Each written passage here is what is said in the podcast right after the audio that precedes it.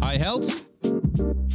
Welkom bij aflevering nummer 65 van de Advertising Heroes podcast. Mijn naam is Jacarino. En in deze aflevering ja, staat Fuck de Prijs centraal. Fuck de Prijs is een uh, boek geschreven door Paul Moers. Want in een crisistijd besluiten sommige bedrijven hun prijzen te verlagen. En dat is juist het domste wat je kan doen, volgens marketing-expert Paul Moers. Ja, want we ergen ons namelijk dood aan slechte service. En volgens Paul zit hier juist de toegevoegde waarde en marge. Nou, ik wens je heel veel plezier en heel veel inspiratie met deze podcast.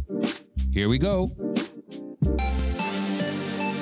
Yeah, the advertising heroes. Let's go. Okay, the advertising heroes. Time for you to know. Help you get your name buzzing for the world. Time to show. Help create a market plan. Now it's time to get it rolling. Even offering you live in online courses. Yeah, yeah. Time to strategize. If you ready, let's begin. For your Instagram, Facebook, LinkedIn. Five years experience, the minimum. So they can help you step it up. Time to represent. Okay, can this ish crash? Knowledge is power. Advertising heroes, yeah, you know that they got ya. Time to take it higher, ready for whatever. Help your social media go to the next level. Uh, advertising heroes, and they ain't stopping. Guinness is crash, knowledge is power. Advertising heroes, time for you to show it. Help you represent your brand, time to be heroic. Yeah, advertising heroes, let's go. En welkom iedereen. Nou, leuk dat iedereen. Uh, ja, ik zie al wat kijkers uh, via YouTube, via Facebook. En een primeur. Het is echt. Uh, LinkedIn. Deze, ja, vanaf vandaag zijn we ook via LinkedIn live. Iedere vrijdag trouwens om 4 uur en soms om 12 uur. dat ligt een beetje aan de auteur wanneer, ze, wanneer men kan. Hey, welkom bij de, bij de Advertising Heroes podcast. ja, dit is een podcast livestream speciaal voor ondernemers, professionals die meer willen weten over ja, het, hoe je meer kennis krijgt. Maar ook over social media, marketing, reclame en uh, ja, ik hou die uitzending natuurlijk niet alleen. Dat is niet zo leuk. Ik heb altijd een gast. En vandaag een hele speciale gast. Ik heb vandaag uh, uh, ja, niemand minder dan. Ja, even welkom. Paul Moers. Helemaal goed. Paul, ja, leuk dat je erbij bent. Ja, leuk dat ik hier mag zijn. Ja, het is echt. echt weet je, Paul, ik, ik ken je al langer. Tenminste, via je boeken. want ik heb natuurlijk al ja, heel wat van je mogen lezen. En toen ik hoorde dat je nieuwste boek erbij uh, uh, ja, kwam, Fuck de prijs. Mag ik het trouwens fuck zeggen of is het... Ja, toch? Nee, natuurlijk wel. Ja, oké. ja, ja, precies wat het is. Ja, precies. Want ik zag het sterretje staan. Nee, nee, dus, dus uh, en toen dacht ik, ja, dit is eigenlijk helemaal wat aansluit op mijn denkbeeld. Maar voordat ik daarmee begin, Paul, uh, ik heb uh, biertjes meegenomen. Ik heb voor mezelf een, een Afvliegem 0.0. En het reden is, dat kom ik in een uitzending nog wel even op terug. Want ik ben, uh, ik ben uh, wat aan het sporten en er moet wat kilo's van af. Nou, oh, noem ja. het maar op. Maar voor jou heb ik uh, een Kijk. lekkere. En ik zal eerst ja, even heel... Maar we zitten een beetje in de coronatijd, dus ik wil het... ik geef jou deze even. Dan gaan we het regelen. Dank je. Alsjeblieft. Dus... Komt helemaal goed. Ja, je bent een, ben je een beetje een bierliefhebber, Paul? Ja, maar als oud-CEO van uh, Gallegal uh, is wijn natuurlijk uh, en whisky ook wel een belangrijk element in mijn leven. Oh, heerlijk. Dus ja. daar kan ik geen genoeg voor krijgen. Wat grappig. Ik maar, ben, ja, wat grappig. Jouw verleden ligt ook bij Gal, hè? Uh, ja, nou ja, ik heb voor Unilever gewerkt, voor Albert Heijn, voor Gallegal. Dus uh, ja, voor heel veel verschillende bedrijven. Ja. En het leuke is, dan ehm, leer je op andere manieren naar business te kijken. En je kunt van iedere business weer wat leren. Hè? Dus ik heb uh, uh, ook bij de Cargills van deze wereld gewerkt. In de valuta-arbitrage. En dan denk je, ja. ja. wat heb je daar nou aan? Ja, daar heb je heel veel aan. Ja, uh, want dat komt natuurlijk ook later gewoon altijd weer van pas. En je kunt van de ene sector heel veel leren over de andere sector. En je kunt ja. ideeën vinden waar je misschien zelf nooit opgekomen was. Hè? Dus alleen maar handig om in die hele keten te hebben mogen werken. Dat is fantastisch. Ik, ik wil met jou even proosten. Ik ben even ja, cheers. Proost. Op een, op een, uh, op een mooie uitzending. Hè? Dat gaan we doen. Oh, heerlijk man. Mm. Ja, lekker. Ja, perfect. mijn oorsprong ligt bij, bij Mitra. Dus wel heel grappig, hè? Galla Galla Mitra. De wereld is klein. De, de wereld is heel klein. En, maar ik weet nog wel, in, in de tijd dat ik, en dan praat ik over 1998, zoiets, slijter was. Want dat ben ik ook nog geweest. Maar dan is het echt wel echt een tijd terug. Toen had ik samen met de bedrijfszijde van Gal en Gal maar afspraken van wanneer doe jij koopavonden en wanneer doe jij het niet. Want uh, we wilden niet samen te veel kosten maken. Ja.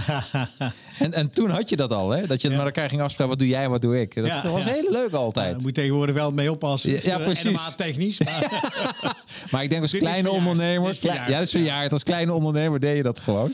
Hey, uh, ja, vandaag gaan we het hebben over jouw boek. natuurlijk, Fuck de Prijs. En ehm, ik, heb, ik, ik heb het voor mezelf een beetje opgeschreven van in een crisistijd besluiten om sommige bedrijven hun prijzen te verlagen. En dat is juist het domste wat je kan doen, volgens marketing-expert Paul Moers. Want we ergeren ons namelijk dood aan slechte service.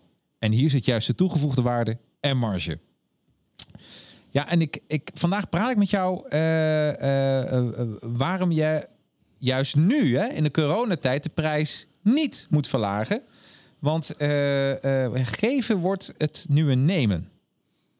Dat is eigenlijk waar je boek over gaat, hè? Uh, ja, precies. Want um, um, ja, misschien is het even goed om te vertellen hoe ik hier nou opkwam. Ja. Uh, want uh, jij zei, neem iets mee, neem iets mee wat voor jou heel belangrijk is. En ehm, dit is voor mij heel belangrijk. Dit is namelijk het plaatje wat mijn vader om had in de Tweede Wereldoorlog. toen hij als luchtmacht militair ja. krijgsgevangene was in Azië en aan de Birma-spoorweg moest werken.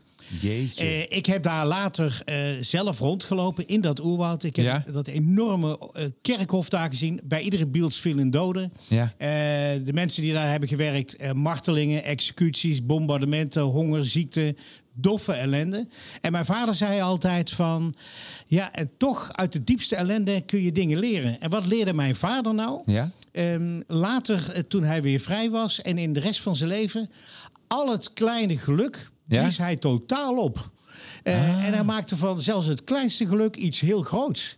En uh, ja, mijn vader is een man die nooit in wrok heeft omgekeken. Wat mooi. Uh, en daar dus uit die crisis iets gehaald heeft. Dus toen de crisis losbrak met corona, dat kwam voor mij eigenlijk al in februari. Ja.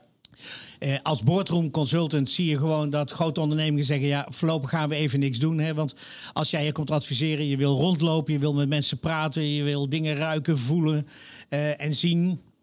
Dus het was voor mij duidelijk dat het een, een, een, een aantal maanden echt gewoon even zonder werk uh, zou zijn. En toen dacht ik, ach, ja. dat is eigenlijk uh, wel een luxe. Want uh, ja, ik heb negen boeken geschreven. maar nu is het eigenlijk tijd voor een nieuw boek. En nu kan ik dat voor het eerst in mijn leven eens een keer rustig doen. Oh. Niet een keer helemaal tussendoor. Nee. Um, en ja, dan ga ik eens even kijken wat er gebeurt. En nou, dan heb ik het geluk. Mijn vrouw is, Manita Mekenkamp, is ook een oud Unilever manager. Ja. Slim, kritisch. En die doet altijd ja, de redactie van mijn boeken. En die leest dat dan op het einde. Maar nu ging ze vanaf het begin meelezen. Ah. En door die discussies kwamen we er eigenlijk op van...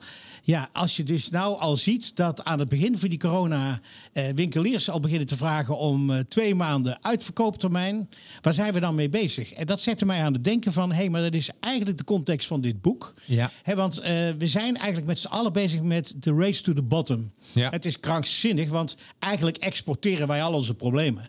denk maar even aan milieuproblemen. Hè. Jouw spijkerbroek wassen, ja, dat kost 6000 liter water en een hele hoop gif. Ja, lekker, laat ze dat maar in India doen of in Bangladesh. Ja. Uh, kinderarbeid, ja, dat exporteren we allemaal. Uh, maar denk ook bijvoorbeeld aan vlees. Ja, doordat we van die lage prijzen kiloknallers willen. Ja, we moeten al die beesten bij elkaar. Dus het, de, het interessante is dat uh, dit is een heilloze, eindeloze weg. Ja. En in plaats van uh, over, de, over de P van prijs na te denken, is er de uitweg natuurlijk om te zeggen van of ik ga andere producten maken, of ik ga me veel meer uh, interesseren voor service. En dat is een keer op een goede manier neerzetten. En, en het is wel grappig, want in ons vorige gesprek, en daar kunnen we best wel benoemen, dat uh, uitgeverijen het toch wel moeilijk vonden om daar om die boodschap over te brengen. Ja, die, die vonden dat heel ingewikkeld. Uh, ja. ze vonden het ook een risico. en van, ja, moeten we dit nou wel doen op dit, op dit moment? Het duurt ook heel lang om dat uit te geven. Dan ben je eigenlijk niet voor november, december aan de beurt.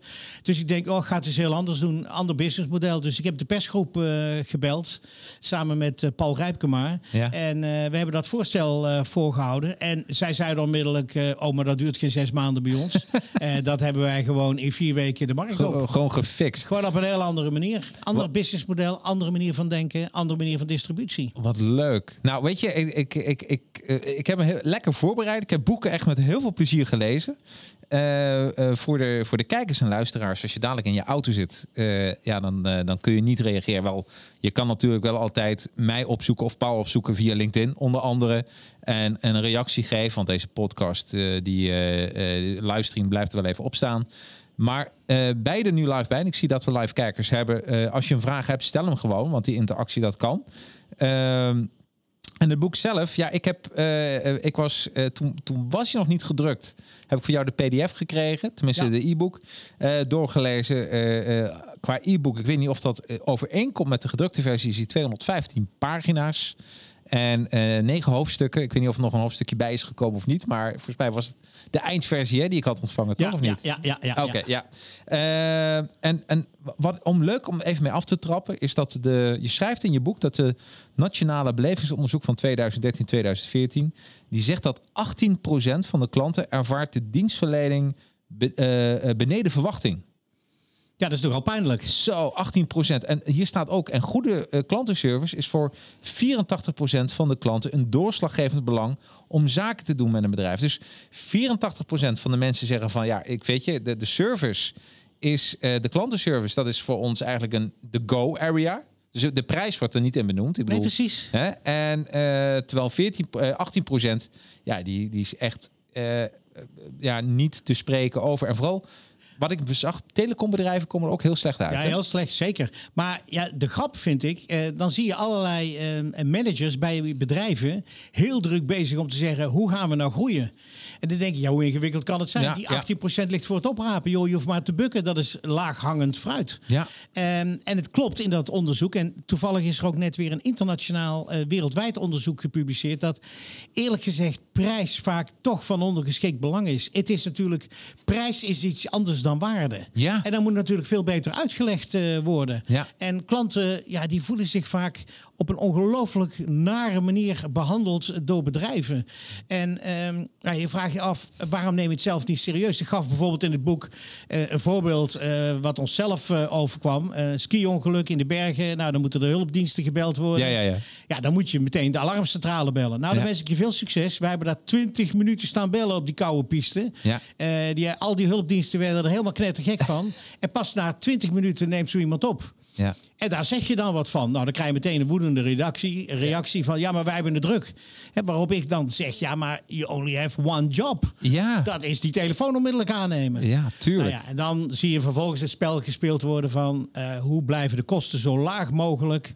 Uh, waar, naar welk ziekenhuis ga je? Dus dan gaat het ineens over kosten... in plaats van ja, over de behandeling van mijn dochter. Wat ik veel belangrijker vind. Ja. Nou, en dat zijn dingen, ja, dat vergeet je eigenlijk nooit meer. Dan denk je, hoe is het toch mogelijk... dat je als bedrijf zo in het leven staat... dat je op die manier bezig bent... en dat je dit überhaupt laat gebeuren? Nou, het, het mooie is ook de doelgroep hè, van je boek. Want uh, zelf uh, ben je een boardroom consultant. Ja. Uh, en schrijver natuurlijk. Dus je kent zowel de kant van een grotere bedrijf als jezelf. zou je jezelf betitelen als ZZP'er? Nou ja, inmiddels natuurlijk uh, wel. Maar ja, ik heb nee, natuurlijk voor alle grote multinationals uh, mogen werken. Dus ik heb aardig inzicht ja, nee, in maar uh, wat de, bedrijven doen. Precies, maar eigenlijk is het zo van dat je dit, jouw boek kan toepassen... ook al bij een eenmanszaak. Of je hebt duizend medewerkers. Dat maakt helemaal niet uit. Dat maakt, nee, daar, nee, daarom. natuurlijk niet. Nee. Dat is de grap. Alleen uh, wat dus veel managers uh, denken en directieleden is: ik vind het ongelooflijk belangrijk, service, maar ik vind het niet urgent. Nee. We hebben even andere dingen te doen. Kosten Ja. besparen, om er iets te noemen. Ja. Je denkt, ja joh, maar zo gaat het nooit wat worden. Nee. De tweede is, je moet het organiseren. Nou, dat uh, vinden ze ook heel vaak ingewikkeld. En het derde, en dat merk ik toch wel als groot verschil. Ja. Je hebt een leider nodig die er heilig in gelooft. Mm. Uh, die er echt voor gaat. En ik beschrijf in het boek natuurlijk Pieter Zwart van Coolblue. Ja, die man uh, die, die, die, die houdt van het leven. Ja. Die houdt van grappen maken. Um, en um, ja, leiders als bijvoorbeeld toen de tijd Piet van Schijndel van, van Interpolis. Ja, alleen dan kun je zo'n merk glashelder neerzetten. Met hulp van zo'n leider. Ja. En dan kun je de service daadwerkelijk en effectief veranderen. En die leiders zijn echt cruciaal. En ik vind dat de meeste leiders heel erg bezig zijn met de korte termijn. Heel erg bezig zijn met hun bonus. Heel erg bezig zijn met de kosten. Terwijl ik denk, joh, als je nou op de lange termijn eens even kijkt... dan kan jouw bedrijf echt het verschil maken. Ga het nou eens anders doen. Uh, kijk nou eens even out of the box... En uh, durf eens gewoon een keer een risico te nemen. Ja. En dan zul je zien dat je uiteindelijk hele blije klanten gaat krijgen. En dat is toch waar het om zou moeten gaan. Ja. En dat zei, zeg ik ook in het boek. Het gaat eigenlijk eerst om uh, dienen en dan pas verdienen. En ik snap niet dat de rechtsleden dat helemaal omdraaien. Nou, wat, wat meestal wordt vergeten, uh, en dat zeg ik even uit praktijkervaring, dat mensen. Uh, ik heb dat bij drukkerijen gezien. Mooi voorbeeld. Bij drukkerijen uh, die, uh, die, die gaven mij dan een. een uh, ik was inkoper in begin 2000 van drukwerk voor mietgeslijterijen. En deden we iets van 2,5 miljoen folders, denk ik, per twee weken. En ik vroeg natuurlijk al die offertes op. En wat ik het meest grappige vond, dan. ik kende mijn, de eigen drukker, wat hij eigenlijk allemaal voor me deed. Maar de fout die heel veel drukkerijen destijds maken, ik weet niet of dat nu nog zo is, misschien ook andere bedrijven, die zetten in een offerte wat ze leveren. Dus 56 SCA, pap, papier, uh, grams, bladibla. Terwijl ze nog zoveel service elementen erbij doen. Wij pakken dit ook nog even voor je in. Terwijl als ik dat, en dat wordt ook vaak vergeten, wat dat schrijven als bedrijf eens op wat je als service biedt. Onbegrijpelijk. Onbegrijpelijk. Ja. En ik weet niet, maar ik denk dat nog steeds voorkomt. Oh nee, maar daar komt heel erg veel voor. En sterker nog, dat komt ook in business to business uh, juist heel ja. veel voor. Ja. He, dus uh, de, de, grap is dat marketeers vaak denken, ja, die klant die weet het allemaal wel. Dat is natuurlijk helemaal niet waar, want nee. uh, die ziet maar een klein onderdeel. En dat beschrijf ik ook in het boek. Ga dat nou eens duidelijk maken wat je allemaal voor die klant doet. Ja, schrijf het En, op. eh, ja, schrijf het op en zorg dat je ieder jaar ook in business to business een presentatie geeft. Maar het kan natuurlijk ook bijvoorbeeld in winkels. Dat maakt helemaal niet uit. Dat je ook als winkel eens even zegt van eh, laat de klant nou eens even zien wat je allemaal gedaan hebt. En dat kan via een e-mail met een verhaaltje of het kan Ja. met, met een brief, whatever. Ehm, maar een hele hoop klanten realiseren zich eigenlijk vaak niet wat je voor ze doet. ja, ja. En ehm, ja, dat vind ik dan echt een totaal gemiste kans. Ja, nee, want dat is, eh, dat is een beetje die prijsopbouw. Eh, want je schrijft ook in je boek dat de price leadership. Ja, het is heel dat- moeilijk. er staan, ik, ik noem ze, kunnen we even toelichting geven. Eh, je geeft eh, even kijken, twee, vier, eh, vijf of zes punten. De eerste is, want ik, ik, ik herken dit. Hè. Ik heb ook voor een retailer gewerkt. En op een gegeven moment, er komt altijd een directeur of een manager, maakt niet uit wie, die zegt van, ja, maar wij kunnen dat toch ook zo goedkoop leveren. Ik bedoel, als wij eh, ook blijvend dit in prijs verlagen, dan komen we weer naar ons toe. Nou, dan moet je uitleggen dat als de andere dat ook doet, dat het een neerwaartse spiraal is. En voordat je het weet, eh, eh, dan zie je een, een plan alsof discount eh, alles is. Nou ja, dat verbaast me. Kijk, ik heb jarenlang lesgegeven aan de Universiteit van Kopenhagen. Ja. En natuurlijk automatisch, hè, over strategie praat je over de vijf P's. Ja. Hè, dus eh, prijs, promotie, eh, product, eh, personeel. Ehm, en dan valt mij op dat heel veel managers ja, blijkbaar dyslectisch zijn. Maar die zijn die vier P's vergeten. Die, die hebben ze nooit gelezen. En die blijven maar op één P hangen. Prijs. Ja. Ja. En dan denk ik, joh, daar heb je dus een kostbare opleiding gevolgd. en het enige wat er uit je mond komt is de P van prijs. Nou, ik vind het werkelijk tragisch. Ik vind het werkelijk triest. Ja. En dan denk ik, joh, maar ga nou eens even creatief worden. Wat is nou eh, het verhaal wat je kunt gaan vertellen? Maar daar zitten klanten op te wachten. Ja, nou, en, helemaal eh, eens. en, en ja, dat gebeurt dus eh, veel en veel te weinig. Nee. En dan zie je, ja, kijk, extreem voorbeeld is natuurlijk eh, ehm, eh, als je kijkt naar de, ehm, de telefoons van, van Apple, om er iets te noemen.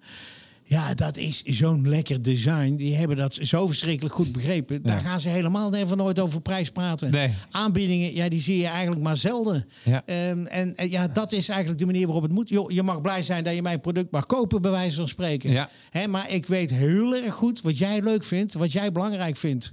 Eh, en ja, en daar doen ze natuurlijk gewoon weer galoos knap. Ik, ik, dat moet, doe ik even denken aan, aan Apple. Eh, jaren geleden was ik in Frankrijk en er kwam eh, de, de oordopjes, daar kwam een soort ja, elektriciteit vanaf. Ik kan niet een schokje hè, van de Apple oordopjes.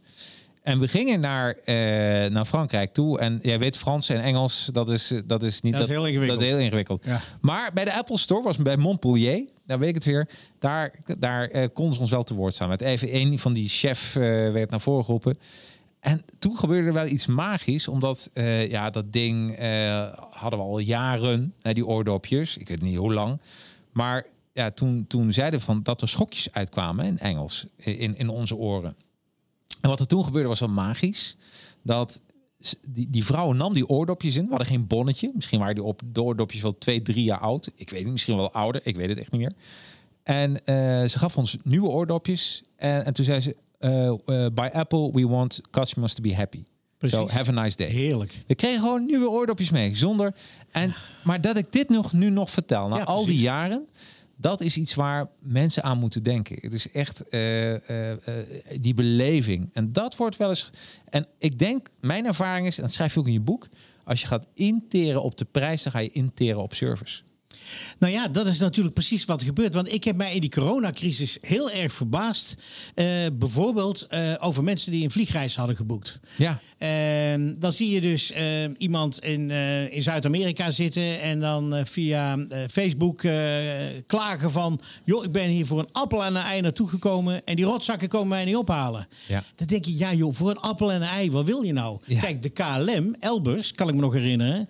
eh, die zei, ja, we zijn bijna failliet en we hebben 200.000 mensen ergens zitten. Ja, we sturen gewoon lege vliegtuigen, ondanks dat we bijna kapot zijn. Maar die gaan we halen. Ja, tuurlijk. Ja, joh, dat vergeten die mensen never nooit meer. Nee. Eh, dus eh, die kregen gewoon wat dat betreft een, letterlijk en figuurlijk een koninklijke behandeling. En dat is het punt. Als je alles in prijs omlaag haalt, dan heeft dat consequenties. Nou, wat ik daar straks al zei, voor milieu, voor dierenwelzijn Ja. en noem het maar op.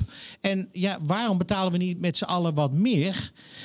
Als je bijvoorbeeld even vlees pakt, hè, dan kun je zeggen, ja, maar luister eens, eh, ik heb maar een laag inkomen.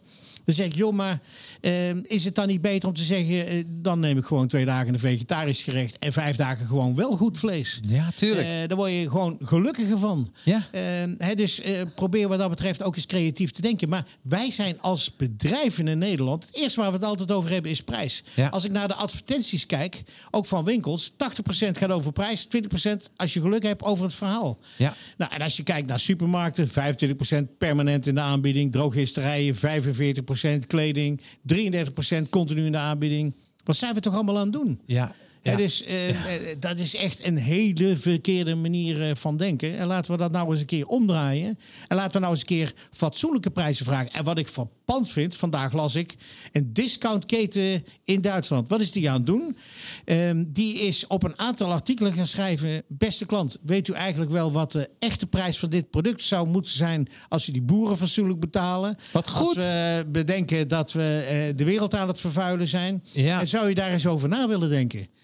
En dat is Penny. En ik vind het echt gigantisch Briljant. grappig. Ik Dat vind het is- echt goed. Dat vind Ja. ik echt, echt goed. Gewoon prima. dat, is, dat is ook je klanten opleiden. En dat mag ook wel. Dus, eh, Ja, eh, doe dat maar. En je schrijft ook eh, dat, het, dat een price leadership helpt ook niet met je duurzame relatie met de klant. Nee, want het is natuurlijk duidelijk. als je alles over prijs gaat, dan denk je toch niet dat ik om wat voor reden ook ooit loyaal aan jou ga, ga worden. Nee. Doe maar wat het aan anderen goedkoper is, denk je, joh, bekijk het. En, en weg ben je.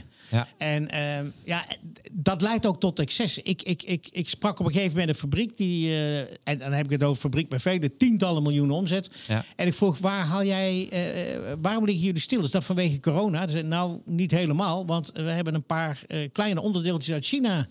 En die zijn niet aangekomen. En ik zei, maar wat heb je dan bespaard? Toen zei hij, we hebben echt geen flauw idee. Toen vroeg ik van, zoek het nou eens uit. Toen Ja. zei ze het uit gaan zoeken. Toen kwam hij met schaamrood op de kaken terug. Ja, we hebben het eens even uitgerekend. Dat scheelt 10.000 euro op jaarbasis. Ja. Ik zei, jongens, waar zijn jullie mee bezig?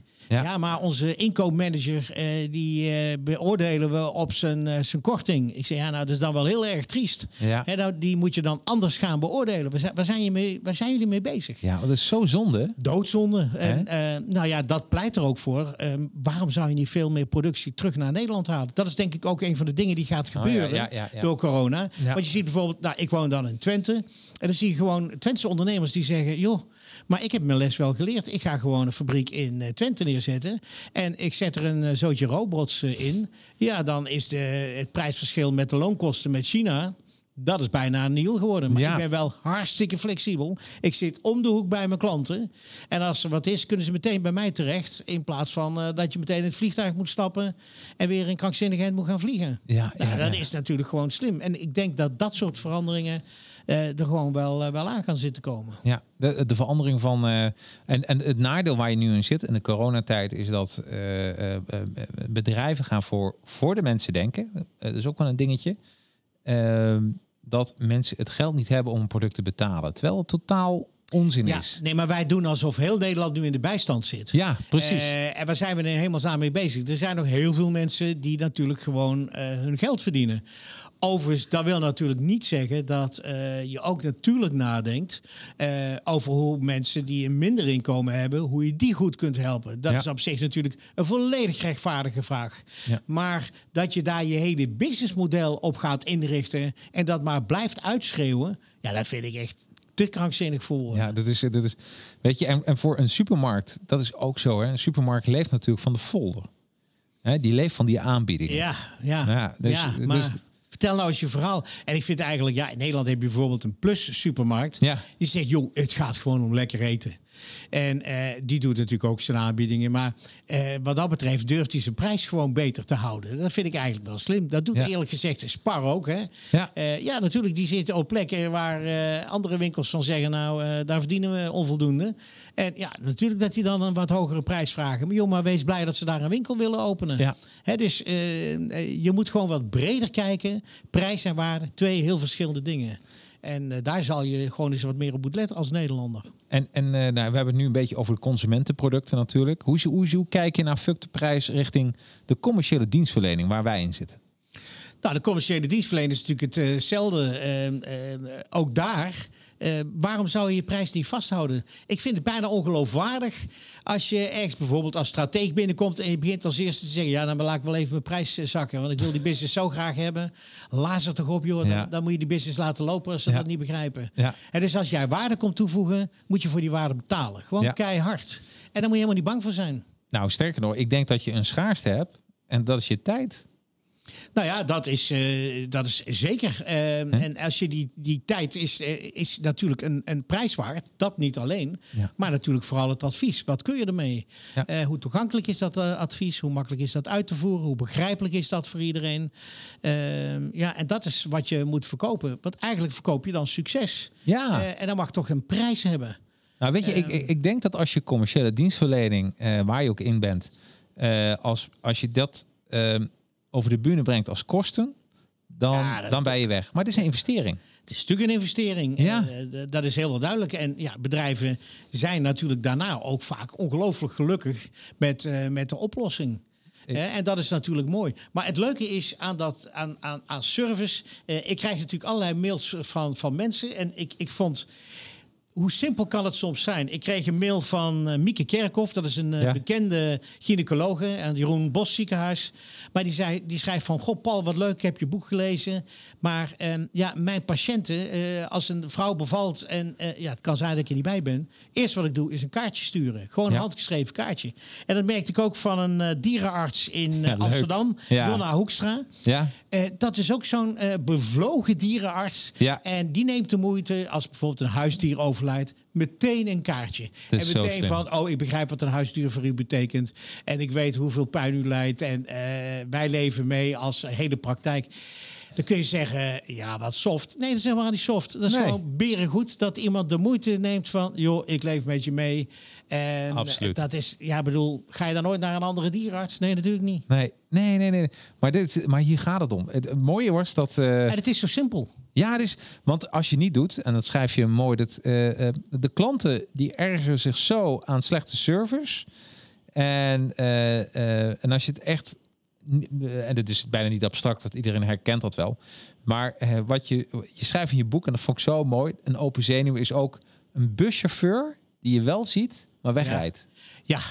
nou ja, ik weet niet of je dan wel eens naar de reacties van mensen kijkt, maar die kunnen die bus wel opvreten. Ja, van, uh, van woede. Hè? Dus, uh, en dat begrijp je ook, dat je denkt, hoe is het toch een hemelsnaam mogelijk dat je, dat je zo in de wedstrijd zit? En, ja. uh, maar het komt dus overal voor, van, van, van ook, ook briljant. als ik bijvoorbeeld, ik ga geen namen noemen, maar als ik in een winkel kom en heel eerlijk, ik, ik koop niet zoveel meer offline. En de reden is dat uh, soms wel, maar uh, bij heel veel retailers, uh, en vooral heb ik over de wit en de bruingoed, die als ze meer dan met als ze met drie verkopers bij elkaar staan, staan ze altijd met elkaar te praten. En als ik dan vraag van, goh, zou je me even iets meer kunnen vertellen over dit, dit product? Dan pakken ze het bordje erbij met de informatie en dan lezen ze de informatie voor. En, en, en ik denk bij mezelf, dan, dan uh, op dat moment concurreer je jezelf weg uit je eigen winkel. Ja, en ik heb een hele simpele oplossing. Hang daar vertaan een automaat neer. Ja. Die drie mannen heb je dus helemaal niet nodig. Nee. Het is werkelijk krankzinnig. Ja. En, um, uh, maar ja, daar zie je dat ook. Um, uh, dat soort winkels, ik vind ze vaak ook niet inspirerend. Nee. Uh, dat ik denk van, joh, zet er eens even wat minder in en ligt dat beter uit. Vind ik bijvoorbeeld ook um, als je een auto koopt. Vind ik ook zoiets. Als je, als je dan naar een, een dealer showroom kijkt. Ja, daar staan die auto's daar in een rijtje. Dan denk je, jongens, kunnen we nou niet even wat creatiever zijn? Ja. En dan wordt zo'n auto afgeleverd. En ja, dat zijn dan toch vaak uh, grote investeringen. En wat ligt er dan op de voorbank? Een truttig bosje met bloemen. Ja. Nou, dan echt, dan breekt mijn klomp. Dan denk ik, jongens, eh, waarom koop je een auto? Dat is om je voor te bewegen. Ja. Dus probeer nou in het gesprek voordat je die auto verkoopt te vragen: voor, wat gaat u eigenlijk met je auto doen? Oh, u vindt het, u gaat vaak naar Amsterdam. Wat doet u daar dan? Oh ja, concertgebouw. Oh, wat leuk. Eh, verrek, dat onthoud ik. En in plaats van dat uh, truttige bosje bloemen, leg ik er gewoon een bon voor het concertgebouw in. Ik noem Ja. maar iets. Ja. Maar jeetje, wat is daar een totaal gebrek aan creativiteit? 100 procent. En dat is gewoon ja, eigenlijk een totaal gemiste kans. En dat is ook de reden waarom ik met dat 5G-model ben gekomen. Want Ja. dan denk je van, ja, blijkbaar ontbreekt de creativiteit. En met dat 5G-model Ja. kun je bedrijven helpen om te zeggen, nou, waar, waar kun je nou allemaal service op leveren? Nou, dat kan op het gebied van geluk zijn. Ehm, dat kan op het gebied van genot zijn. Eh, dat kan op het gebied van gewin zijn, gemak, eh, gezondheid. Ehm, en dan heb je een heel breed spectrum waar je over na kunt gaan denken. Kijk, Netflix, toen die met hun, eh, met hun diensten kwamen. Ja, als die op prijs waren gaan zitten, doodzonde. Maar die denken van, ja joh, maar ik lever jou een film. En je kunt lekker thuis op de bank met je vriend of vriendin... en een zak chips en een biertje, kun je heerlijk genieten. Dan verkoop je geluk, dan verkoop je genot. Dan heb je het helemaal niet meer over prijs. Nee, nee, nee, nee. En nee. dan heb je het begrepen. Dan denk je, ja, waarom doen niet meer bedrijven dat? Dus je kunt op zoveel terreinen waarde toevoegen en service toevoegen... Nou, door er dus- gewoon over na te denken. Heel- en dat gebeurt niet. Eh, Ik was, ik was eh, eh, een tijdje geleden was ik eh, eh, bij, nou, bij een grote, grote keten, grote elektroketen. En ik zag een, eh, een, een echtpaar die keek naar, eh, of tenminste ze waren bij elkaar, naar printers. En ik ben, ik, ben, ik ben dol op verkoopgesprekken. Dus ik ging er een beetje bij Ja. staan. Ik ben altijd, wa- hoe, hoe gaat zoiets? Hè? Ja. En eh, ja, we zijn op zoek naar een printer. Oké, wat eh, waar, waar zoekt u het voor? Nou, ja, we willen wel foto's eh, afprinten, vakantiefoto's. Dus zochten een fotoprintertje. Dat wilden ze af en toe even doen en nou ja, een beetje zo vertellen. En, en toen zag ik hem kijken, dus dat die verkoop was zelf een beetje aan het scannen. Oké, die kan fotoprinten, die kan fotoprinten, die kan foto. Er waren een paar fotoprinters. En toen zei hij van eh, tegen een beetje die het goedkoopste is. Nou, zegt hij, deze is net zo goed. En eh, doe maar gewoon en eh, neem maar mee. En nou, weet je. En toen dacht ik, ja, dit is dus ook een voorbeeld. Moet je voorstellen, maar hè, ik denk alles is mogelijk. Moet je voorstellen dat je, dat je tegen die personen zou zeggen van... Heeft u een mobiele telefoon bij u? Ja. Pak eens, even- heeft u één foto erbij die, die ik zou mogen zien? Ja. Ja. Nou, gaan we eens even hierop printen en daarop printen. Ja, nou. Heel eerlijk, zodra je hem laat printen, heb je al één printer verkocht. Alleen de vraag is dan nog welke. En, ja, en dan kun je nog bijsturen in je verkoopgesprek. Om te, maar toen dacht ik, ja, de- waarom zie ik dit nergens? Waarom zie ik nergens dat? Waarom kun je niet die, die offline, die toegevoegde waarde geven, eh, wat je online gewoon niet kan? Nee, nou ja, precies. Ja, ik vind dat je een prachtig voorbeeld aanhaalt. Want daar word je als klant gelukkig van. Dat je Ja. denkt, hoe gaat dat er dan uitzien? Ja. En, en ja, dat is precies waar het om gaat. Ja. En eh, ja, daar begrijp ik niet dat je als werknemer niet die creativiteit hebt om daar zelf op te komen. Nee, maar dat komt Eh, weer dat is op de kosten. tragisch. Nou ja, dat heeft het er natuurlijk vaak mee te maken. Plus dat we natuurlijk allemaal weten dat al die verkopers hebben stippen op die spullen staan. En eh, ja, waar maken we het meeste marge? Dat vind ik ook altijd vreselijk triest. Hè, want het gaat erom niet waar je de meeste marge maakt. Het gaat erom Ja. waar die klant gelukkig van wordt. Precies. En eh, dat is het eh, allerbelangrijkste wat je, wat je kunt doen als bedrijf. ja, ja. Dus eh, eh, zou je ook kunnen zeggen dat, eh, eh, en dat gaat natuurlijk, dat praat je ook over, over, over, over eh, directies, eh, dat eh, om, om, om de klant te zien als cijfer, dat je op dat moment de creativiteit ook uit een verkoop haalt. Ja, totaal. En want als je alles maar gaat lopen doormeten tot in den treuren. Ja. ehm, ja, dat schiet niet op. Hoe leuk, daar word je toch niet gelukkig van. Nee. Eh, het is toch veel leuker om, om klanten en bedrijven met een vrolijk gezicht iets eh, te zien kopen. Ja. En eh, ja, ik vind dus veel directies. ehm, ja, wat mij opvalt is weinig kritisch naar zichzelf.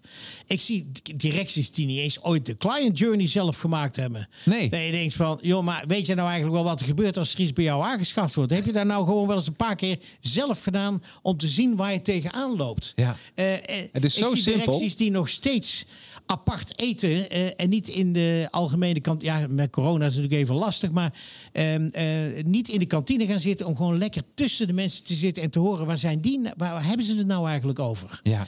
Ehm, en ja, ik denk als je die afstand creëert, eh, als je denkt in die Ivoren Toren de wereld aan te gaan sturen op het gebied van service, nou dan heb ik nieuws voor je. Dat gaat helemaal never nooit iets worden. Nee, en, en ook een mooi voorbeeld wat je schrijft in je boek. eh, dat gaat over eh, Mobistar. Eh Basta heeft Ja. daar een filmpje over gemaakt. Briljant. Ga hem even YouTuben of googlen. En niet nu, maar dadelijk als je hem na deze podcast. Schrijf hem voor jezelf op. Basta en Mobistar. Kun je even uitleggen wat, wat er in dat filmpje gebeurt? Nee, de grap is dat je natuurlijk vaak helemaal in de wacht wordt gezet als je een klacht hebt bij zo'n telefoonbedrijf. Ja. En dat je wordt doorgestuurd van de een naar de ander. En toen dachten de stel lui van weet je wat, we zetten gewoon een container pal voor de ingang, zodat er niemand meer in of uit kan. en eh, daar zetten we een telefoonnummer op. En zij zaten zelf in die container. Ja. En eh, nou, uiteraard ging die portier meteen eh, bellen. En in die container namen ze aan. En toen gingen ze vervolgens met eigen gemaakte muziek allemaal wachtdeuntjes. Ja, maar is toch geweldig? ik vond het, dat bedrijf werd er helemaal gek van. en iedere keer, oh sorry, maar nou gaan we de juiste persoon pakken. En op het einde, dat vond ik helemaal geestig, belden ze Mobistar op en zei sorry dat we het zo eh, verkloot hebben met die container. Ja. Eh, als cadeau hebben we er een extra container naast gezet. Ja, ik vind het geniaal. Ja, Wat een eh, mooie grap. Het, maar het was, het was Koekje ook... van eigen deeg. Het was ook zo goed. En eh ja, het blijft gewoon 10 minuten lang. Ik weet niet hoe lang dit duurt. Maar je blijft gewoon van minuut tot minuut gewoon een glimlach. Dat je denkt Eén van, grote dit is, smile. Ja, één grote. Dit is echt Het een is koekje van eigen deeg. En je zou toch zeggen dat bedrijven daar iets van leren. Ja. Maar deze uitzending is al van een paar jaar geleden. Maar het overkomt jezelf ook als je heel veel bedrijven wil bellen. Of je komt in die idiote chatbots. Nou, eh, mij lukt het nooit. Eh, op de een of andere manier is mijn Brabants accent eh, niet geschikt voor een chatbot. Maar eh, die gaan van alles doen behalve wat ik wil. Eh, je komt in allerlei spraakgestuurde gesprekken terecht eh, om iets te vinden. Waar Ja. je ook al niet terecht komt. Je wordt er horendol van. 100%. En, eh, ja, eh, het is eigenlijk onbegrijpelijk. En zelfs bij banken, als je private banking klant bent, eh, ja, je zult toch gewoon door de procedure heen moeten. Ja, het gevolg is dat je gewoon nooit meer gaat bellen. Het Nou, wat je, wat je krijgt en nu met COVID, eh, dat mensen dit, eh, een klantenservice ook als excuus gebruikt. Dat kom ik nou heel vaak tegen, omdat ik heel veel Amerikaanse software heb. En dan heb je een vraag, een bug die je wil rapporteren. Dan krijg je een standaard mail. Ja, door, door eh, corona eh, ja, werken we even iets anders. Dus het kan langer zijn, langer duren. En denk van, ja, dit is, dit, dit Nee, maar dan, weet- dat, dat is natuurlijk triest. belachelijk. Ja, dat, eh, dat, dat, dat is het zeker. Dat je dit moet accepteren. En kijk, als het een maart is dat het net de eerste of twee weken dat mensen thuis moeten werken, acclimatiseren, dat geloof ik. Maar kom op, we zitten nu al in september. Ja, ja. Nou ja, ik bedoel, dit laat maar even zien uh, dat je dan waarschijnlijk klanten niet echt serieus neemt. Dat er andere dingen in je kop spelen, ja. namelijk uh, de opbrengsten, die je veel belangrijker uh, nou, vindt. dit is wel een, een keerzijde van de online wereld. Ik geef zelf trainingen en ook veel service, want ik vind dat mensen wel geholpen moeten worden. Maar wat ik echt zie bij heel veel, en bij heel veel opleidingen, bij heel veel online diensten, is dat men verschuilt zich achter de chatbots. Ja, precies. Nee, maar dat is ook uh, ideaal. Maar het grootste probleem met de chatbot is, die voelt geen emotie. Nee. Uh, dat is het probleem. Dus af en toe kun je tegen zo'n ding, tegen zo'n apparaat staan schreeuwen. uh, ja, dat helpt natuurlijk helemaal geen, nee, nee, geen fluit. Nee. Um, um, maar dat is eigenlijk uh, ja, toch gewoon onbegrijpelijk. Ja. En um, uh, dan geef jij dat voorbeeld. Maar het, ons Canadese warenhuis, wat natuurlijk failliet gegaan is. Ik kan me nog herinneren dat ik een van de laatste maanden een tweet stuurde van... joh, ik sta in jullie winkel en wat is het hier een puinhoop. De helft van de kleding ligt op de grond. Oh. Jullie personeel staat alleen maar met elkaar te kletsen. Doet er helemaal niks aan. Vervolgens kreeg ik een antwoord. Uh, dank u wel, meneer Moers, voor uw mail. Maar zou je hem in het Frans willen stellen? Want daar hebben we de klacht aan uitbesteed. Aan een bureau in Frankrijk. Oh, wat slecht. Nee, nee, echt, ja, nou, ja. Jullie verdienen het om failliet te gaan. Uh, ja. dit, dit, dit is te krankzinnig voor woorden. Ja, ja, weet je, en daar kan geen prijsdruk tegenop. Ik bedoel, als je dan... Want daar gaat het om. Ja. Ik, ik, kreeg een uh, mailtje, ga de naam niet noemen, want ik, ik had die persoon even gevraagd, mag ik je naam noemen, maar nog geen reactie op Facebook. Of misschien heeft ze wel gehad, maar heb ik te laat gezien vandaag. Maar uh, uh, daarin schrijft zij, het gaat over de KLM. Oh. Hier staat klantontvriendelijkheid te top. Dankjewel KLM voor het laten zien van schofterigheid nog bestaat. Applaus voor KLM. Weken bezig met een restitutieverzoek, tickets gestuurd, via website, letterlijk de bedragen besproken, alles. En dan nu zeggen dat we alleen restitutie van de stoelprijs hebben aangevraagd. Hoe durven ze? Zo voor de spam, maar sommige dingen moet je gewoon delen. En waarom ik dit even voorlees, en dan komen we op jouw volgende uh, uh, hoofdstuk. Uh, dat twee, koning, klant beheerst de social media.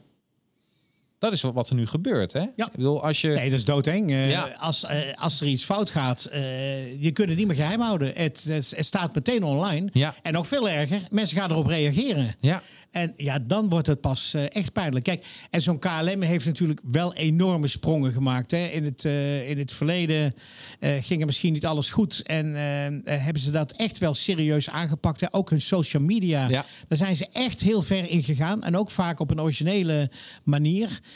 Maar ja, weet je, het, het, probleem is nu natuurlijk dat dit soort bedrijven zijn natuurlijk nu volledig in paniek. Het is natuurlijk één gigantische chaos. Ja. Uh, ze zitten allemaal te denken, hoe gaan wij overleven? Ja. En uh, ja, op dit moment moet je eigenlijk constateren dat het bijna niet, ja, blijkbaar niet meer mogelijk is om die klant nog op nummer 1 te zetten. En dan ga je dus dit soort blunders ja. tegemoet. Het is ook een heel lastig onderwerp. Dit geldt ook voor alle vliegmaatschappijen. Dit geldt voor alle reisbureaus. dat deze problemen zich voordoen. En het is natuurlijk ongelooflijk vervelend voor de klanten. Laat dat uh, helemaal duidelijk zijn. Ja. Maar het is ook wel een totaal abnormale situatie die nu plaatsvindt. Want hoeveel klachten weet je dat zo? Zouden ze nu per dag binnenkrijgen met corona? Met... Nou ja, er vliegen ja. maar weinig mensen dus. Ja, uh, wat dat betreft. Ja. Uh... Nou, daarom dus mijn vraag. Uh, mensen hebben geboekt. kan me voorstellen begin periode. Maar je zou nu toch wel denken dat nu dat dat afneemt in deze tijd of niet? Uh, nou, daar ga ik op zich wel vanuit. Maar nog veel mensen zijn natuurlijk bezig met het terugkrijgen van allerlei kosten. Ja. En dat is natuurlijk een ding wat uh, ongelooflijk pijn doet. Zeker als je ziet, ja, maar zij krijgen wel staatssteun. En uh, ja, nee, ja, dat geld, is precies. En, ja. ik, je, je kunt het zo goed voorstellen, die irritatie. Nou, dus is, mijn advies aan KLM zou zijn van neem dit nou bloedserieus. Ja, ja. en ik snap dat het moeilijk is. Ik snap dat het lastig is. Maar nou kun je laten zien wie je bent en wat je bent. En ondanks alle problemen, eh, financieel en noem maar op, ja. ga nou toch zorgen dat je dit in orde maakt. En ga nou toch zorgen dat ook nu, juist nu, je klantenservice eh, op nummer 1 staat. En dat je die klant ook fatsoenlijk te woord staat. Ja, ja 100 procent. En dit is, dit is dus wat er gebeurt als, als je dat niet doet dan, uh, uh, ja, dan ga je rond als een lopend vuurtje op uh, social media. Op ja, nee, dat, Twitter. dat, dat gebeurt. En ja, wat ik in het boek ook schrijf van ja, die social media, daar moet je natuurlijk eigenlijk zeven dagen in de week, 24 uur op alert zijn. Maar ik gaf het voorbeeld van Laplace, waar een maaltijd totaal de soep in liep. En dat post je dan op Twitter op vrijdag. Maar het antwoord uh, is er niet voor maandagavond. Ja. En in die tussentijd gaat Jan dan allemaal mee reageren van... oh, dat overkwam mij ook. Hoe en dom. Ja. Dan denk ik, hoe is het toch mogelijk? Dat je Ja. dus denkt dat eh, in het weekend social media even geen rol speelt. Dat Nee. vind ik onbegrijpelijk. Nou, sterker nog, ik denk dat je gewoon eh, eh, mensen gewoon. Ik, ik, ik vind het heel fijn om te bestellen via bol.com. Eh, en de reden is gewoon dat hun social media webcam is perfect. Ja, dan en- hebben ze goed voor elkaar. Hebben ze goed voor elkaar, maar ook eh, eh, wat je bij heel veel webcares ziet, is dat van, oh, we kunnen even niet bij die gegevens, maar als je met de klantenservice bent, dat wil je niet horen. Je wilt gewoon, ik wil met iemand kunnen praten, dat ik mijn artikelnummer en mijn klantennummer kan geven. En, eh, eh, en die regelen echt dan alles voor je. En dat is zo lekker. Ja. Dat, is, eh, en dat voelt ook heel goed. Mits het helemaal via bol.com loopt. Hè? Ja, Want bol.com ja. werkt met, ook met partnerbedrijven. Ja. Eh, XL is iets waar ongelooflijk over geklaagd wordt. En ik begrijp niet dat een prachtig merk als bol.com, hè, wat het zo goed eh, doet, eh, dit toelaat. Zou je eens aan de, aan de luisteraars en kijkers willen uitleggen, wat, wat is de toegevoegde waarde van VD Excel voor bol.com? Nou, dat is mijn totaal raadsel. Ik, eh, ik zie geen enkele toegevoegde waarde. Want Nee. eh, de puinhoop die ze ervan maken, de manier waarop ze hun producten versturen, het komt altijd het komt kapot aan. Eh, je hebt geen idee hoe je het terug moet sturen. Ehm, eh, ze, doen het, ze sturen dingen zonder omdoos, zodat het alles kapot is. En dan als je terug wilt sturen en je hebt uiteindelijk een adres gevonden, dan zeggen ze ja, er moet wel een omdoos om. Nou, dan word je helemaal giftig. Ja, precies. En de reacties van via de Excel als je ze belt of eh, twittert. Ja. Ehm, ik kan me nog herinneren, ik, ik vertelde in het boek het verhaal. Ik had een eh, grillplaat, hè? Ja, en, Ja. En, en een Japanse grillplaat voor mijn vrouw gekocht. En dat ding, ja, die doos die lag helemaal in duizend stukken. Dus mijn vrouw begon al fijn zo'n cadeau voor de kringloop. nou, dus ik denk, nou, dat gaat mijn huwelijk. Ja. Eh, ja, toen pakte ze het ding uit, natuurlijk helemaal kapot. Ja. Nou, dan ga je erover twitteren. De eerste reactie is, maar daar kan uw vrouw toch wel doorheen kijken. Ja, toen wou ik echt door die telefoon heen klimmen. En ik Ja, denk, nee, eh, eh, ik ga iemand wurgen daar. Ja, maar, dan, maar dit, dit geeft wel a- aan dat zo iemand dat kan zeggen. Maar ook, eh, eh, dan vraag ik me ook af, is het, wat voor persoon is dat wie zoiets zegt? Is dan dan... weet je... Die zijn niet opgeleid. Dat is gewoon het, dat is gewoon het punt. En eh, jij zegt Ja. terecht, het is natuurlijk heel belangrijk dat je altijd... En dat, dat is zo het mooie aan technologie, dat je onmiddellijk inzicht hebt van... wat is dit voor een klant? Nou, kijk naar een bedrijf als bijvoorbeeld de Bijenkorf. Hè, dat Ja. callcenter van de Bijenkorf is gewoon briljant. Die Ja. weten precies waar ze het over hebben. Coolblue, die weet precies waar ze het over hebben. En dat is waar het om gaat. Dus je moet zorgen dat dat tip-top in orde is. En ook als je met partners werkt. En dan kom ik weer even terug op Coolblue. Daar gaat ook wel eens wat fout. Maar als je dan Coolblue bent. Het begint met een, een stem die zegt... Hallo, wat is er nou weer misgegaan? Ja, dan schiet je al in de lach. Ja, ja, ja. En dan zeg je, wat zegt Coolblue dan?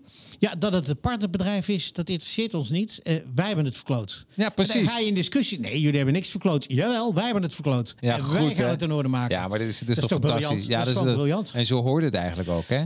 Ja, en dus die geven de mensen de vrijheid om Ja. te zeggen van los het altijd op. Ja. En eh, het mooie vind ik ook, hè, dat heeft de Bijenkorf en, en Coolblue doen dat bijzonder goed. Ehm, ook als het eh, extra geld kost, interesseert ze dan even niet. Zij willen die klant die super tevreden is.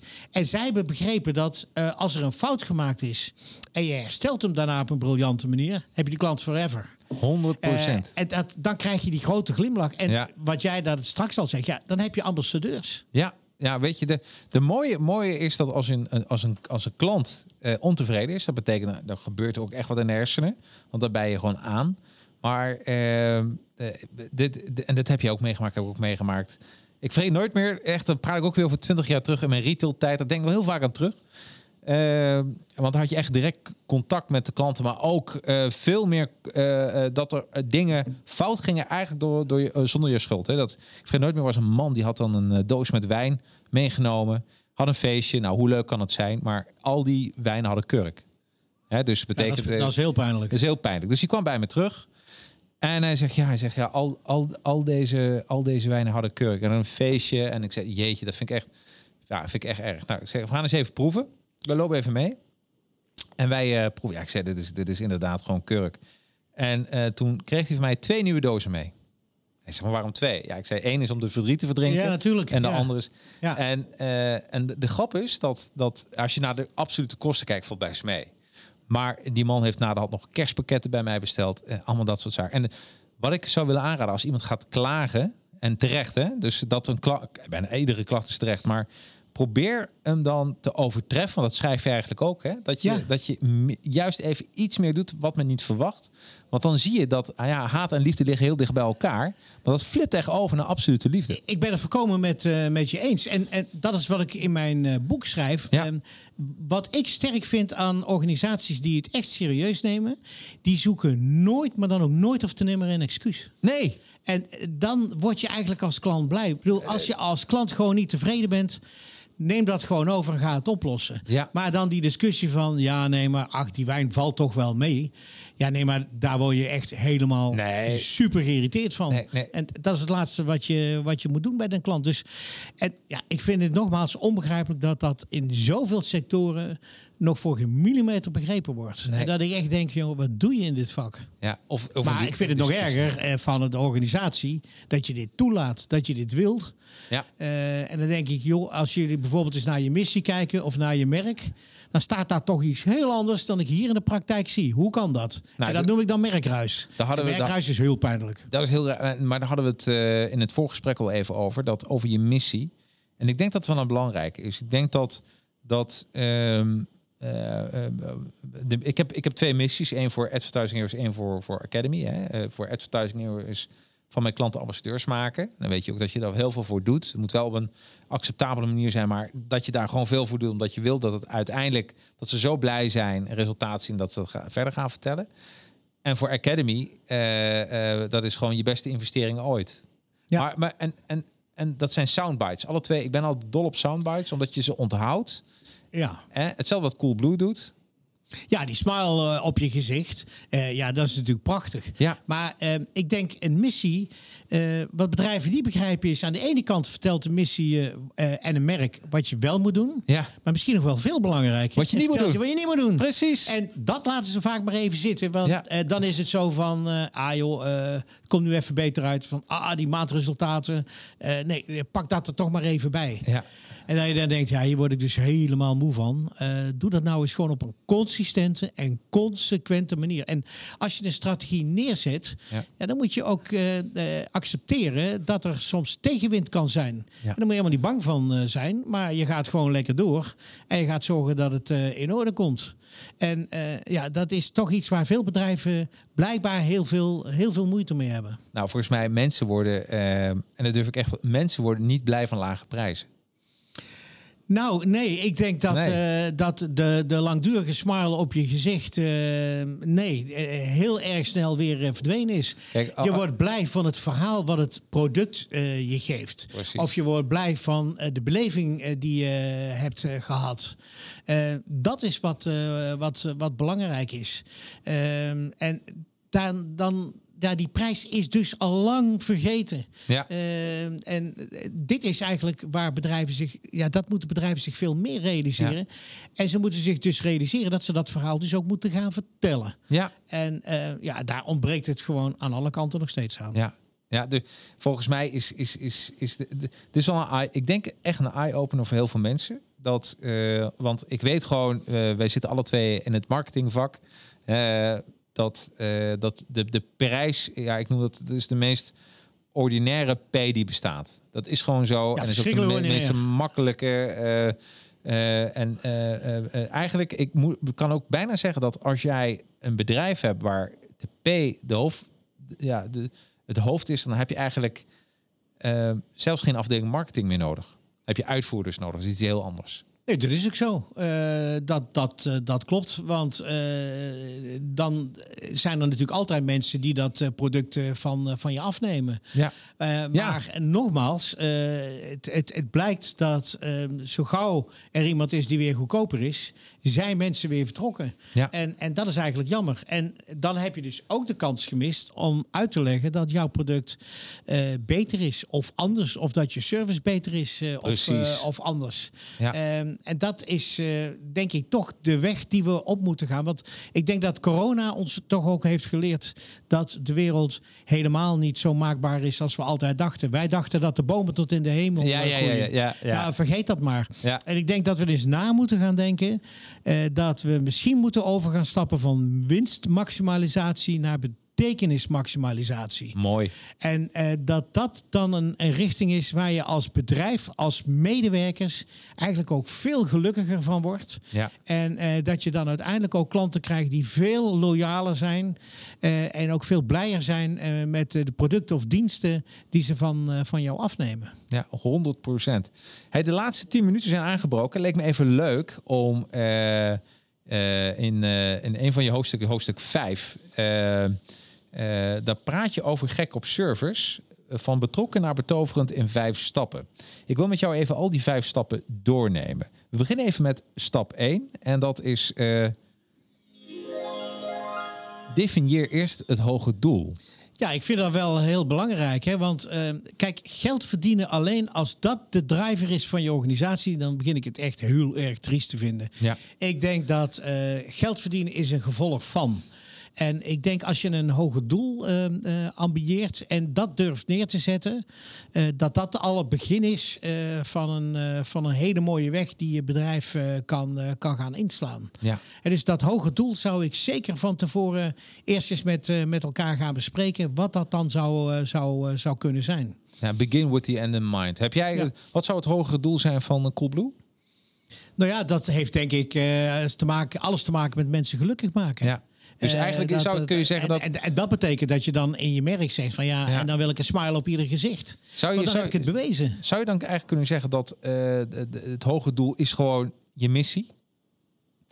Nee, je missie is, uh, dat is natuurlijk echt een strategisch ding. Van uh, wat is, uh, kijk, je visie is wat zie ik op termijn gebeuren. Ja. Je missie is wat is mijn rol daarin. Ja. En de strategie is hoe ga ik het doen. Ja. Hè, dus op die manier moet je daarnaar kijken. Dus ik vind dat het hoge doel ook echt iets toevoegt.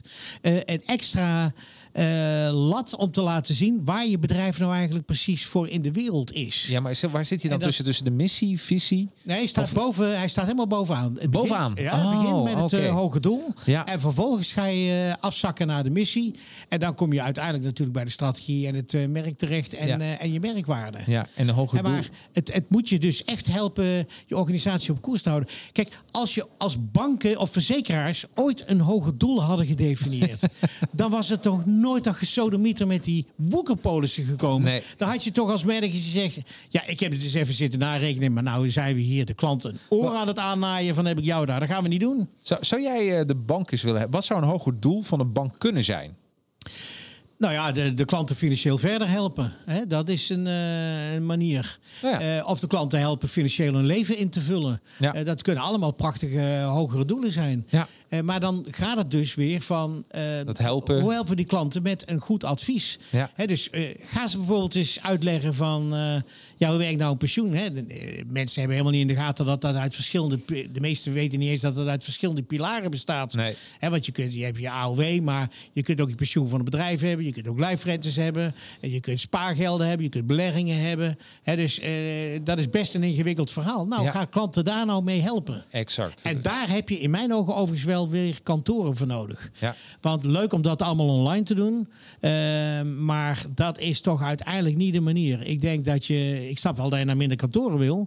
En ik heb de ING natuurlijk geholpen met eh, van kantoren af te stappen naar financiële ontmoetingsplekken, hebben we Ja. dat genoemd. Waarin je zo'n gesprek daadwerkelijk kunt hebben. Ja, begrijp ik. En dat is waar het om gaat. Dat is ook heel fijn. Hey, dan eh, op, eh, hebben we op nummer 2 staan de klant als vertrekpunt en niet de organisatie. Ja, dat is natuurlijk iets eh, wat, waar ik ook vaak tegen aanloop. Eh, ze zeggen, jij hebt briljant georganiseerd. Dan zeg ik, ja, vanuit jezelf. Eh, maar wat heeft die klant hier nou precies aan? Want het is ongelooflijk ingewikkeld eh, om iets bij die klant te krijgen... waar die dan allemaal voor eh, langs moet. Dus draai dat nou eens om, keer dat nou eens om. Die piramide moet ondersteboven. Dus het begint met die klant en zak dan maar eens af. Ja, dat doet me even denken toen ik... er was hier net in de, hier nog even dat je me ontmoette, Theo Zak. Een, vroeger mijn baas, nu mijn klant. Ach, en, en ook wel een beetje een vriend, kan ik wel zeggen. Want op een gegeven moment, na twintig jaar, ont- ontstaat dat wel natuurlijk. Hè? Maar eh, wat hij toen deed, heel briljant, is van... eh, eh, onze, die had een poster laten maken... En de post stond onze klanten betalen, jou, onze klanten betalen jou. En dan stonden allemaal spullen onder. Jouw wasmachine, jouw. bla- En dat vond ik zo briljant. Ja, omdat en, maar dat is ook precies wat het is. dit is wat het is. Dus, maar ik denk dat heel veel partijen dat totaal niet in de gaten hebben. Ja, nee, nee, nee, nee, precies. Dus dat is. Uh, nee, nou, ik had uh, gewoon even als voorbeeld, uh, ik schrijf het ook in het boek, een verzekeringsmaatschappij voor het aflopen van een lijfrentepolis. Ja. En ik bel die brave mevrouw en die zegt: Ja, meneer, weet u wel hoe ingewikkeld dat is? Toen ja. zei ik: Ja, maar daar heeft u 30 jaar de tijd voor gehad. Ja, en toen was het antwoord, ja, maar weet u wel hoe groot ons bedrijf is? Ik denk, ja. ja nee, maar dat is, daar ga je dus... Dan ben je dus, joh, ga dat omkeren en zet je klant nou eens vooraan. Exact, bij geen nummer, hè. Dat is, dat is zo belangrijk. Uh, en dan nummer drie. Alles geven om gek op servers waar te maken. Nou ja, dat betekent dus uh, nooit excuses zoeken. En dat betekent uh, bereid zijn om ook geld uit te geven. Ook als het geld hè, dus echt geld kost. Om die klant voor je te houden. En uh, de boosheid weg te nemen. Ja.